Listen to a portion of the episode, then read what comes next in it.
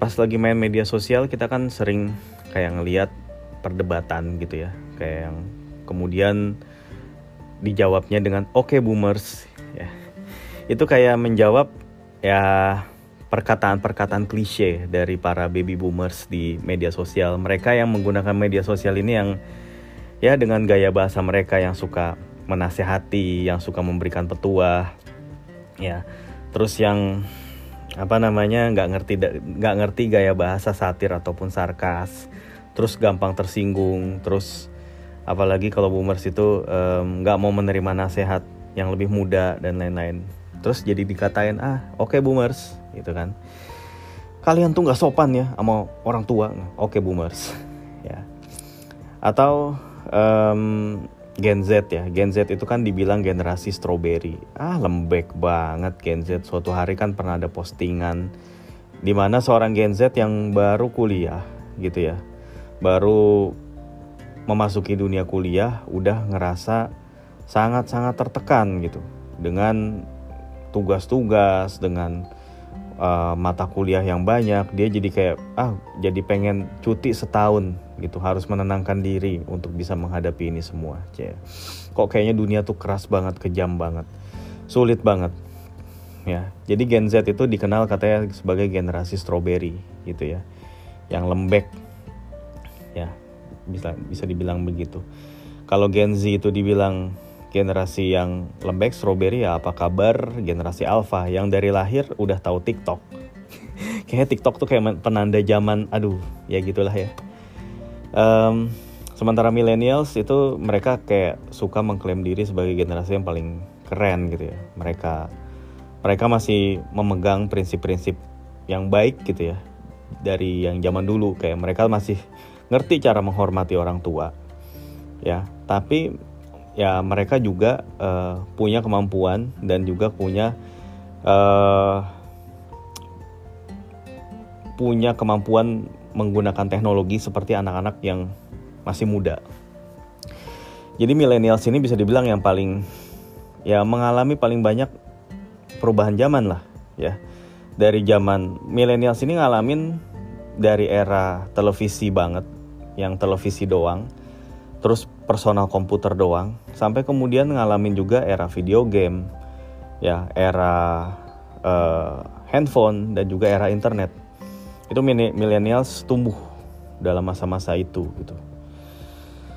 Jadi ya kayak mereka punya punya berbagai pandangan sebenarnya yang menarik gitu ya. Dan generasi milenial ini katanya yang konon katanya ya paling banyak diteliti kenapa milenial begini milenial begitu milenial itu dianggap kurang bisa bersosialisasi milenial itu dianggap uh, tidak bisa menabung tidak punya uang. Milenial itu dianggap uh, antisosial ya. Tapi milenial itu dianggap juga sebagai inovator banyak penemu-penemu lahir dari generasi milenial ya terutama kalau yang kita ngomongin startup startup zaman sekarang. Itu banyak banget yang CEO-nya itu kelahiran tahun masih tahun 80, 81, 83 gitu-gitu. Itu itu kan tahun-tahun awal milenial gitu ya. Tapi sebelum kita jauh-jauh ya mungkin perlu di uh, dibagi dulu nih generasi generasi-generasi itu seperti apa. Jadi generasi itu dibagi berdasarkan tahun kelahiran ternyata. Ya, jadi yang untuk yang lahir tahun 45 sampai tahun 64 itu dianggapnya sebagai generasi baby boomers. Ya. Yaitu generasi yang muncul setelah era perang. Jadi setelah uh, orang tuanya boomers ini ya, itu generasi kolonial berarti ya di, di bawah tahun 45 ya generasi kolonial. Ya setelah perang ya mereka jadi nggak banyak melakukan pekerjaan ya karena kan negaranya mereka juga baru membangun gitu ya baru membangun dari kehancuran gitu. Jadi tidak banyak pekerjaan yang dilakukan tapi kebutuhan masih banyak tersedia gitu. Jadi mereka sering ya bikin anak akhirnya jadi terjadilah ledakan populasi nah orang kakek-kakek kita gitu ya orang tuanya boomers itu rata-rata pada punya anak tuh 8, 7 gitu. Jarang banget kayak kita kenal kakek kita tuh cuman dua bersu apa uh, punya anak dua atau empat gitu ya. Mereka tuh paling sedikit kayak punya anak 6, 5 gitu di sini. Jadi mereka tuh ya mereka ya nggak pernah diedukasi soal KB juga ya pokoknya mereka pokoknya bikin anak aja gitu kerjanya. Jadi akhirnya banyak lah boomers di situ. Tapi ya buat para boomers mungkin ini era era anda juga udah berakhir gitu ya. Kita sekarang udah lagi nggak menemukan boomers. Nggak banyak lah menemukan boomers di kantor kita di perusahaan kita tempat bekerja. Karena kan berdasarkan regulasi pekerja itu sampai umur 56 tahun ya boomers yang termuda ya yang katakanlah orang-orang yang kelahiran tahun 64. Sekarang itu usia boomersnya boomers termuda itu adalah 58 tahun, yang mana itu udah melewati usia usia pensiun. Ya barulah baru pensiun gitu, baru-baru pensiun atau kalau mungkin kita ngelihat boomers yang masih kerja di kantor bisa jadi emang uh, pertama ya dia udah dikasih ya udah dikasih aja lu kerja sampai umur berapa aja boleh lah karena lu masih dibutuhin dan perusahaan juga tidak kaku gitu. Maksudnya adalah celah yang bisa dimanfaatkan perusahaan untuk bisa mempekerjakan boomers. Atau ya bisa jadi si boomers ini adalah owner, pemilik dari perusahaan. Jadi ya ya lu mau kerja sampai kapan nggak ada istilah pensiun gitu. Ya, tapi lu udah semakin jarang menemukan boomers dalam interaksi lu sehari-hari. Jadi sekarang ini bos-bos lu kebanyakan itu adalah generasi X. Ya. Nah, generasi X itu adalah yang kelahiran tahun uh, eh, 64 sampai tahun 80. Ada yang bilang eh tahun tahun 65 sampai 80. Ada yang bilang sampai 81. Ya anggap aja 80 lah gitu ya. Jadi yang menjadi ciri khasnya Gen X itu ya mereka masih beda-beda tipis sama boomers sebetulnya. Tapi mereka hidup di zaman uh, mulai digunakannya itu komputer gitu. Awal-awal kan tahun-tahun 70-an, tahun-tahun 80-an gitu. Jadi pada saat si Gen X itu bekerja ya mulai kerja itu mereka udah menggunakan komputer gitu dan mereka juga sangat dekat dengan televisi gitu. Anak-anak Gen X ini gitu ya. Terus uh, pada saat teknologi muncul gitu ya teknologi kayak smartphone uh, ya sebelumnya bahkan sebelum smartphone ya handphone kemudian internet ya mereka itu juga rata-rata udah pada bekerja ya. Mereka udah mereka udah di usia berapa ya? Kan kalau gen X tertua kalau gen X tertua itu berarti usianya 57 kalau gen X termuda ya kelahiran 80 gen X termuda itu berarti sekarang usianya 42 ya orang-orang yang sekarang usianya 42 44 45 ya pada saat um, apa namanya internet muncul mereka itu udah memasuki dunia kerja gitu. Jadi mereka juga peralihan nih di dunia kerja yang tadinya mereka menggunakan banyak menggunakan pulpen dan kertas, kemudian beralih menggunakan komputer dan internet gitu. Ya di, apa beralih dari komunikasi mereka yang biasa lewat surat, ngirim-ngirim surat gitu ya. Ngeplay kerjaan juga pakai bawa-bawa map gitu ya. Sekarang ya mereka menerima lamaran pekerjaan dari generasi yang se sekarang itu melalui email gitu.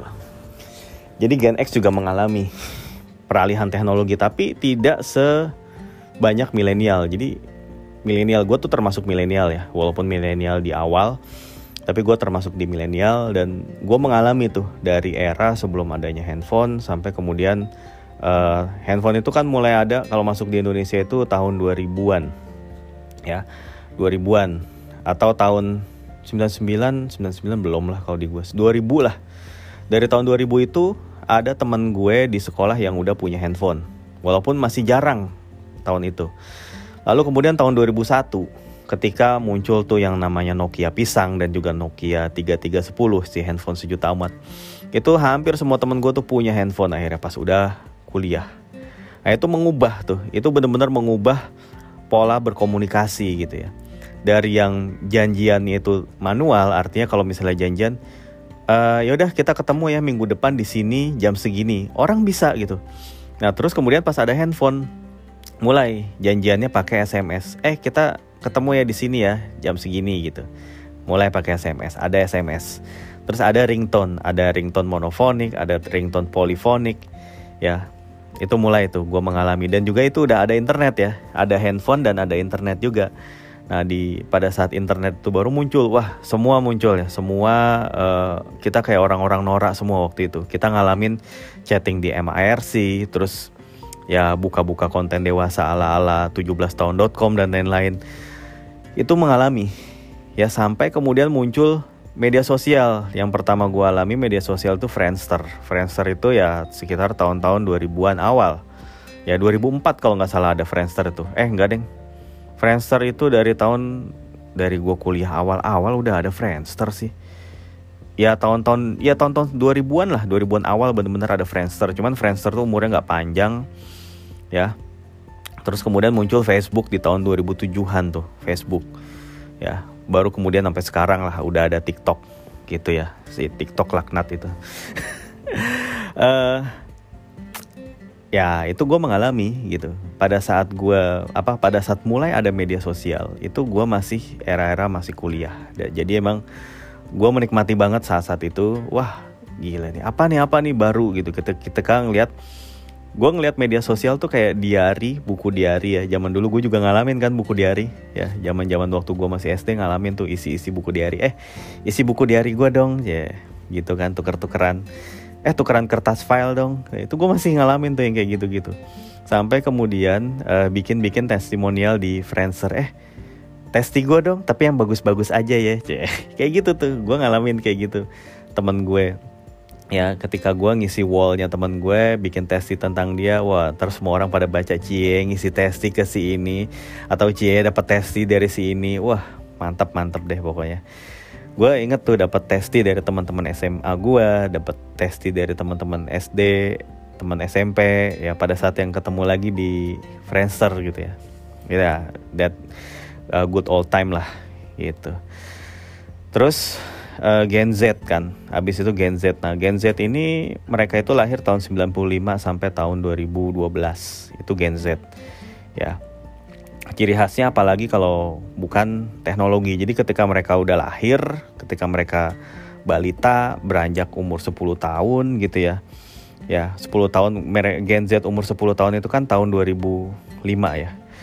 Uh, Gen Z tertua ini kelahiran 95 berarti sekarang usia mereka tuh 27 Sementara Gen Z termuda ya tahun katanya 2012 usianya masih 10 tahun gitu.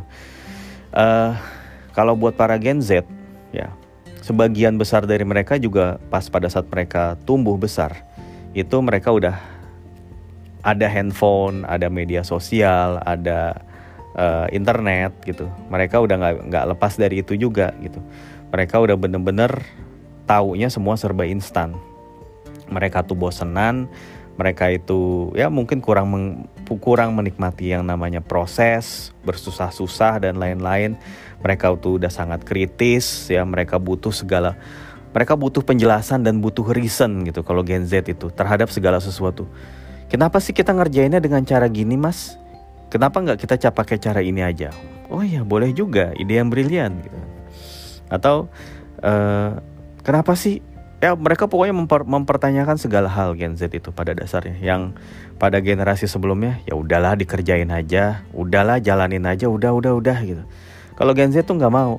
Enggak nggak bisa. Gue penasaran. Gue pengen tahu. Ya kayak gitu gitulah kalau Gen Z. Jadi dan banyak juga Gen Z yang jadinya kalau misalnya pada saat mereka bekerja mereka tuh tidak mencari uang tidak mencari nominal tapi lebih uh, bagaimana nih kualitas hidup gue tuh bisa meningkat dengan gue bekerja di sini gitu. Ya jadi mereka tuh sering juga kerja mereka kerja ya kerja gitu tapi mereka tuh udah sangat udah sangat mahir dalam investasi sejak dini gitu kayak mereka tuh udah punya saham mereka tuh udah main kripto mereka main apalah gitulah. Itu Gen Z. Ya dan sekarang masuk generasi uh, 2000 2013 ke atas itu udah generasi alpha katanya yang konon. Bukan konon sih yang dari mereka lahir tuh udah ada TikTok. Gue kok menandainya dengan TikTok ya nggak tahu kenapa lah. Gue kayak kayak kayak gue sendiri kayak udah menyebut anak-anak uh, zaman sekarang gitu yang masih usia belasan ah dasar bocah TikTok gitu. Apalagi ngelihat anak-anak sekarang yang suka uh, fashion show yang suka joget-joget gitu tiba-tiba joget tiba-tiba selfie dan lain-lain tuh ya sebagai bocah TikTok gitu. Anyway di sini gue juga pengen ngomongin uh, soal generasi yang menurut gue underrated yang menurut gue hidupnya tuh asik enak nyaman dan menurut gue gue iri gitu.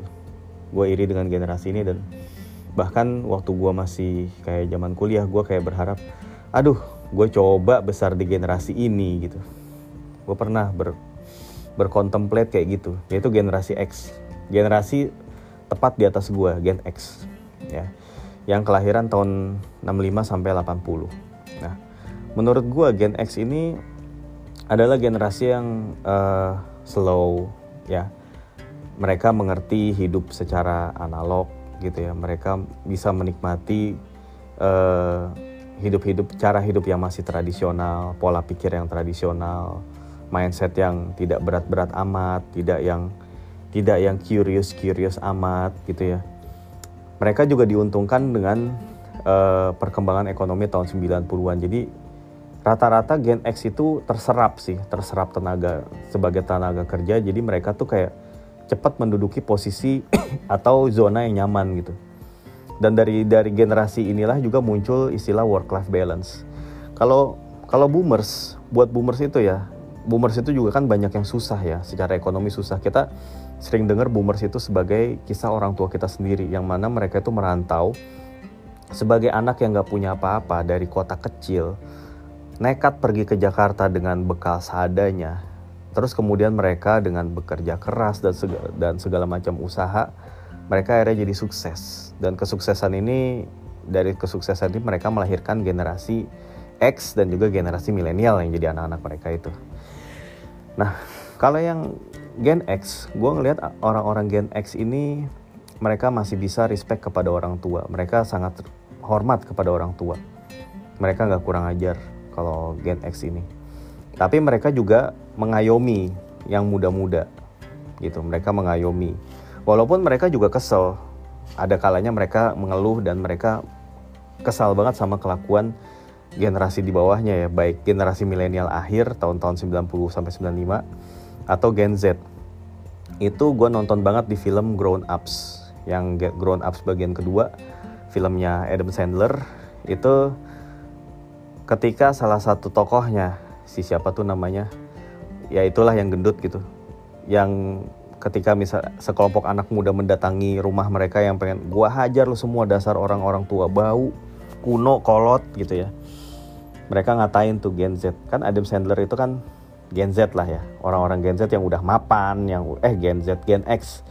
Gen X mereka yang udah mapan udah punya duit gitu ya yang udah hidupnya udah lebih enak gitu ya. Dilawan sama Gen Z dan generasi milenial akhir yang ngerasa orang-orang Gen X ini adalah orang-orang kolot yang harus dihajar gitu. Nah sementara Gen X ini menjawab, masih mendingan kita daripada lu generasi yang manja, ya rakus, ya rakus, manja uh, dan gak tahu diri, gitu ya.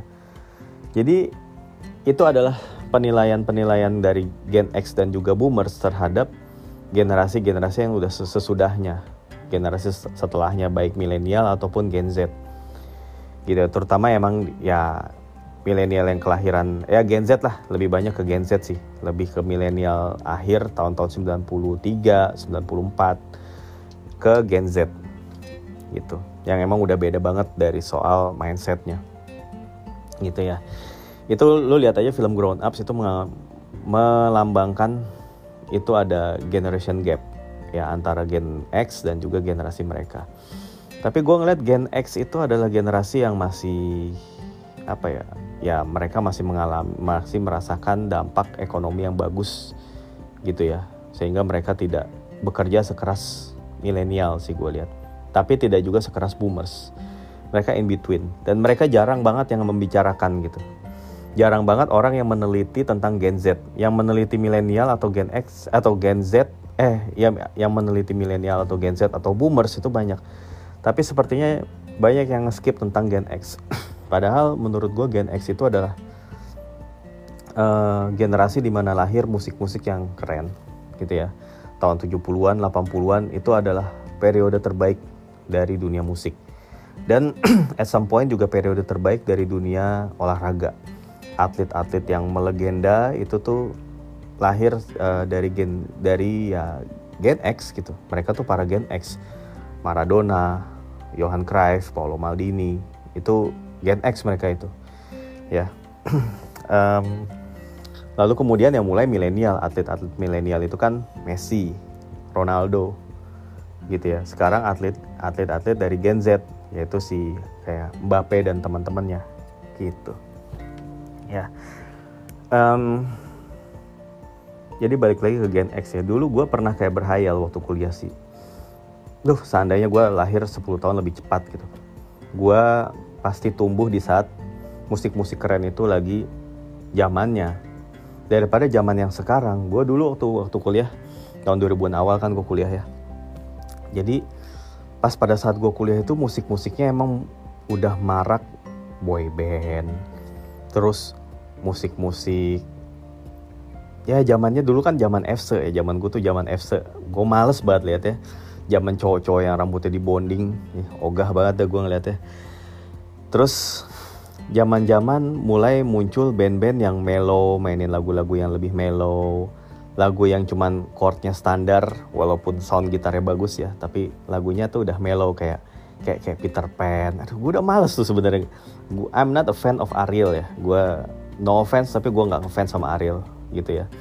Dan menurut gue ketika udah musik Indonesia tuh dia disusupi oleh Peter Pan dan kawan-kawan itu gue udah mulai meninggalkannya. Gue udah merasa ah musik-musik tersebut nggak mutu gitu. Gue nggak masuk gitu. Tapi bahkan orang-orang yang uh, sekarang ya kalau ngeliat di YouTube mereka kayak ngerasa ih zaman itu musik keren banget ya. Ada Peter Peter Pan Samson. Pada saat itu lagu bagus-bagus banget. Gak kayak sekarang lagu nggak jelas. Bahkan Peter Pan itu ya di dibilang sebagai musik yang berkualitas gitu. Ya ya gue bukannya bilang Peter Pan gak berkualitas tapi cobalah mendengar lagi musik-musik tahun 70-an 80-an gitu loh. Itu jauh kalau dari kualitas. Kalau lu ngomongnya kualitas ya. Aduh ya ini kan kita ngadu kualitas katanya nih ya kalau tapi kalau selera kan beda-beda. Ini bukan ngomongin selera tapi ngomongin kualitas ya. Gitu. Uh, ya gue sempat berhayal gitu. Gue gue berharap gue ini umurnya sekarang 45 46 sudah menjelang usia pensiun sudah matang secara ekonomi dan emosional. Anak-anak udah gede gitu. Gue itulah rentang usia yang gue bener-bener gue berharap ada di situ gitu. Di mana gue udah ya secara ekonomi gue udah yang mapan banget udah settle banget udah udah nggak mikirin lagi tanggal tua tanggal muda nggak ada istilah itu. Terus udah nggak ada kayak nggak ada pusing-pusing kalau tiba-tiba uh, pompa rusak mobil rusak mobil harus ganti ban dan lain-lain udah nggak pusing lah kayak gitu-gitu.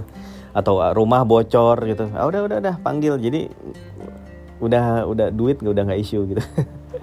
Itu gue udah gue apa ya gue iri dengan Gen X yang udah mencapai kondisi tersebut gitu ya.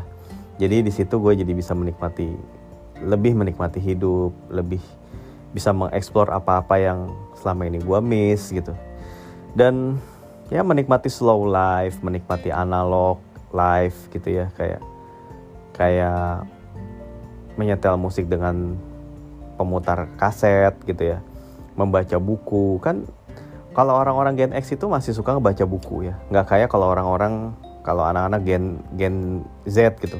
Apa tuh Gen Z membaca buku? Mereka lebih suka ngeliat video-video singkat TikTok daripada membaca buku. Buat mereka buku itu kayak cuman sampah di rumah jadi memenuhi rumah doang. Gitu ya. Ya pokoknya Gen X itu menurut gue beruntung sih. Beruntung lo yang udah pada Gen X loh gitu ya. Sementara gue yang milenial ya ya begini masih berjuang juga gitu masih struggling ya. Uh, kalau Gen X itu mungkin ini yang pertama kali mengenal istilah uh, sandwich generasi sandwich. Mungkin boomers eh boomers pertama kali kali ya. Jadi boomers itu sering banget gue ngedenger kayak lu pasti dengar gak sih orang tua kita kayak yang mereka udah kerja tapi harus ngebiayain orang tuanya dan ngebiayain adiknya dan itu berlangsung terus Gen X pun terus begitu dan milenial pun begitu juga at, at, some point gitu. Nah Gen Z ini nggak tahu ya. Gue sih berharap ya sebagai milenial uh, gue udah punya cukup pegangan dalam hal uh, finansial, udah punya safety net nanti pada saat gue udah tua. Jadi gue tuh nggak mau membuat anak gue tuh jadi sandwich sebenarnya tujuan gue. Jadi salah kalau berpikir bahwa anak itu adalah investasi. Jadi nanti kan kita yang dibiayain gantian dibiayain nama anak. Enggak, gue nggak mau seperti itu. Gue gue berharap nanti gue tua dengan kondisi uh, merdeka secara finansial. Gue nggak ngerepotin anak nggak ngerepotin keluarga siapa pun. Nggak jadi beban keluarga lah. Itu beban atau itu tujuan gue sih sebetulnya. Jadi anak-anak gue itu juga tidak terhambat gitu ketika mereka merasa harus mengejar cita-cita gitu gue bisa menyediakan dana untuk mereka mewujudkan itu dan mereka bisa melangkah tanpa terlalu memikirkan gue orang tuanya gitu kan banyak ya kayak anak-anak yang tidak bisa meraih cita-citanya karena harus membantu orang tua dulu, menunda pernikahan gitu kan, menunda punya anak, atau ya banyak lah, banyak banget yang dikorbanin demi uh, ngurusin keluarga dulu gitu. Itu banyak banyak yang dilakukan, ya. Dan Gen X ini adalah salah satu generasi yang juga kemudian menunda pernikahan juga sih. Kalau boomers itu rata-rata pada nikah muda, kalau Gen X itu banyak yang mulai nikah pada usia 30-an. Millennials lebih-lebih lagi. Millennials itu rata-rata nikah mungkin umur 30-an ya. 30-an bahkan ada teman gue millennials yang baru nikah di umur 40 itu itu juga bukan hal aneh dan oh ya soal tingkat perceraian kalau dari boomers rata-rata orang tua kita sekalipun mereka mendapatkan perlakuan yang tidak menyenangkan dari pasangannya mereka tuh bertahan. Buat mereka perceraian itu adalah hal yang seperti tabu yang udahlah ini kan pengabdian. Ya buat buat boomers itu emang hidup itu kayak hidup itu adalah jalan kesusahan. Jalan yang sulit hidup itu. Baik dari memandang dari sisi pekerjaan atau dari sisi uh, hubungan romantisme jadi buat boomers itu mencintai itu adalah seperti sebuah pengorbanan ya itu mereka sangat memanifestasi cinta adalah bentuk dari pengorbanan. Sementara kalau uh, mungkin ya milenial, apalagi milenial akhir gitu dan juga Gen Z, mungkin mereka memandang cinta itu lebih ke kebutuhan. Ya. Pokoknya lu harus saling kita tuh kalau namanya hubungan itu harus saling support. Harus jadi support system, harus bisa jadi tempat healing dan lain-lain. Kalau itu udah tidak berfungsi lagi, ya mendingan kita selesai. Atau kalau misalnya lu udah lu tidak memiliki lagi uh, kemampuan ekonomi untuk menunjang ya kita selesai aja ya dan buat millennials dan juga si Gen Z juga tidak begitu mungkin tidak begitu mengagungkan institusi pernikahan karena udah mulai banyak muncul pemikiran-pemikiran yang canggih itu ya dari yang is is is atau apa pun itulah gitu ya yang menganggap pernikahan itu adalah institusi yang memenjarakan atau institusi yang yang tidak menguntungkan bagi manusia gitu. Ya bagi kebebasan pemikirannya lah gitu. Ya kayak gitulah uh, kurang lebih sih ya. Gue gue ngelihat balik lagi uh, dari soal pembagian generasi. Gen X ini adalah generasi yang underrated tapi menurut gue menyenangkan menjadi Gen X. Ya tapi kan ini emang karena sudah diatur secara kosmik ya kebutuhan atau apa oh kebutuhan? Kebetulan kosmik inilah yang membuat gue lahir sebagai milenial walaupun milenial awal. But that's okay gue menuju apa ya gue ini berusaha untuk menjadi milenial yang tetap mewarisi tetap menghargai gitu ya. Menghargai nilai-nilai yang udah dibangun sama generasi sebelum gue. Gitu ya. Gue dalam bekerja juga masih kadang menggunakan kertas ya. Kalau kalau bos-bos bos-bos kita yang boomers itu kan mereka gaptek ya. Mereka tuh harus butuh kertas dan pulpen gitu. Dan mereka tuh gaptek banget. Nggak bisa banget mereka tuh mainin Microsoft Word, Excel atau PowerPoint. Nggak ngerti gitu. Megang mouse saya masih kaku gitu ya. E, ngopi file aja masih satu-satu ngedragging aja masih yang tek tek tek tek tek tek. Aduh gimana sih? Aduh gimana? Itu kan boomers atau Gen X kadang-kadang suka gitu ya. Ya kalau milenial ya udah ngerti lah shortcut shortcut kayak gitu-gitu. Masa iya milenial kagak ngerti? Ya gitu. Tapi in a way ya tetap si Gen X. Gue tetap gue tetap kerasa Gen X keren. Mereka membuat musik-musik yang keren mereka tumbuh di era musik-musik yang keren. Mereka punya pemikiran yang nggak nggak serumit milenial tapi juga tidak sekaku boomers gitu mereka masih menghargai kultur, mereka masih meromantisasi hal-hal yang analog dan yang tadi lah yang kayak gue bilang. Tapi mereka juga tidak menolak ya teknologi baru, mereka masih bisa ngikutin. Ya, mereka masih juga bisa ngikutin tren, mereka tahu kayak gitu-gitu ya. Pengetahuan mereka soal investasi juga kebuka. Dan mereka juga ngerti bahasa-bahasa yang satir kayak kalau quotes-quotes zaman Mario Teguh kan sky is the limit gitu lah ayolah berusaha. Kalau orang lain bisa kenapa kalian tidak bisa? Gitu kan. Itu kan quotes-quotes yang sangat-sangat normatif yang muncul tuh di tahun-tahun 2000-an awal. Banyak banget quotes kayak gitu. Sampai kemudian sekarang itu udah muncul quotes-quotes demotivasi yang menurut gue tuh lucu. Kayak yang kalau emang dia bisa ya udah dia aja gitu. Karena zaman sekarang itu udah berkembang pemikiran kayak eh men hidup hidup orang tuh berbeda tantangan orang tuh beda-beda dan sukses orang satu dengan orang lainnya tuh juga definisinya beda-beda. Nggak kayak dulu kayak boomers itu kayak menyeragamkan sukses itu ya kaya secara materi dilihatnya benar-benar dari materi. Jadi kayak lu mungkin jangan heran ya kalau ada saudara-saudara boomers lu kayak yang masih rese atau kepo kamu gaji kamu berapa gaji si itu tuh segini gaji kamu berapa? Kayak ngumpulin informasi gaji aja lu kayak orang HRD atau orang pajak aja ngumpulin informasi gaji orang. Gitu karena mereka emang pada umumnya boomers boomers ini ya om Pak D kita bahkan kakek kita mungkin yang boomers gitu. Itu mereka tuh melihat kesuksesan itu semata dari uang. Ya dari materi lah.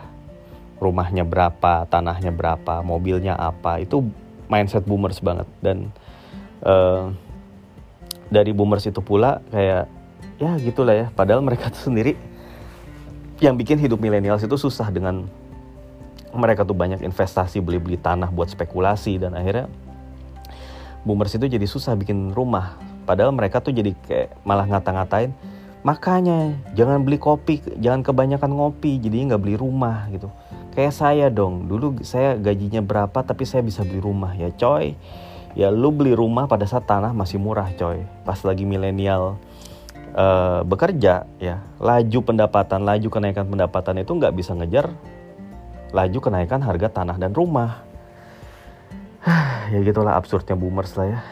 Gue juga kadang-kadang suka menghela nafas kalau kalau lagi kumpul sama boomers itu. Boomers itu sangat post power syndrome mereka tuh sangat apa ya mereka tuh pengen banget dihormatin gila hormat kadang-kadang gitu ya. Terus mereka tuh pengen didengerin kisah ceritanya yang padahal udah dikasih tahu berulang-ulang gitu kan. Ya but that's boomers. That's our parents sometimes. Ya you have to ya berbakti aja lah. Udahlah. Dan less complicated gitu ya. Nggak usah terlalu dipermasalahkan. Karena biar gimana pun boomers ya boomers sudah tua dan kita udah ngeliat nggak lagi ngelihat boomers di kantor dan ya lama kelamaan boomers juga udah nggak ada lagi di dunia ini gitu. Tapi Gen X masih ada jadi kita akan melihat Gen X Gen X itu akan seperti apa gitu ya. Tapi gua rasa Gen X tidak akan secomplicated boomers. Gen X milenial itu masih rada-rada sama lah rada-rada sepemikiran gitu. Ya ya udahlah ya. Bye bye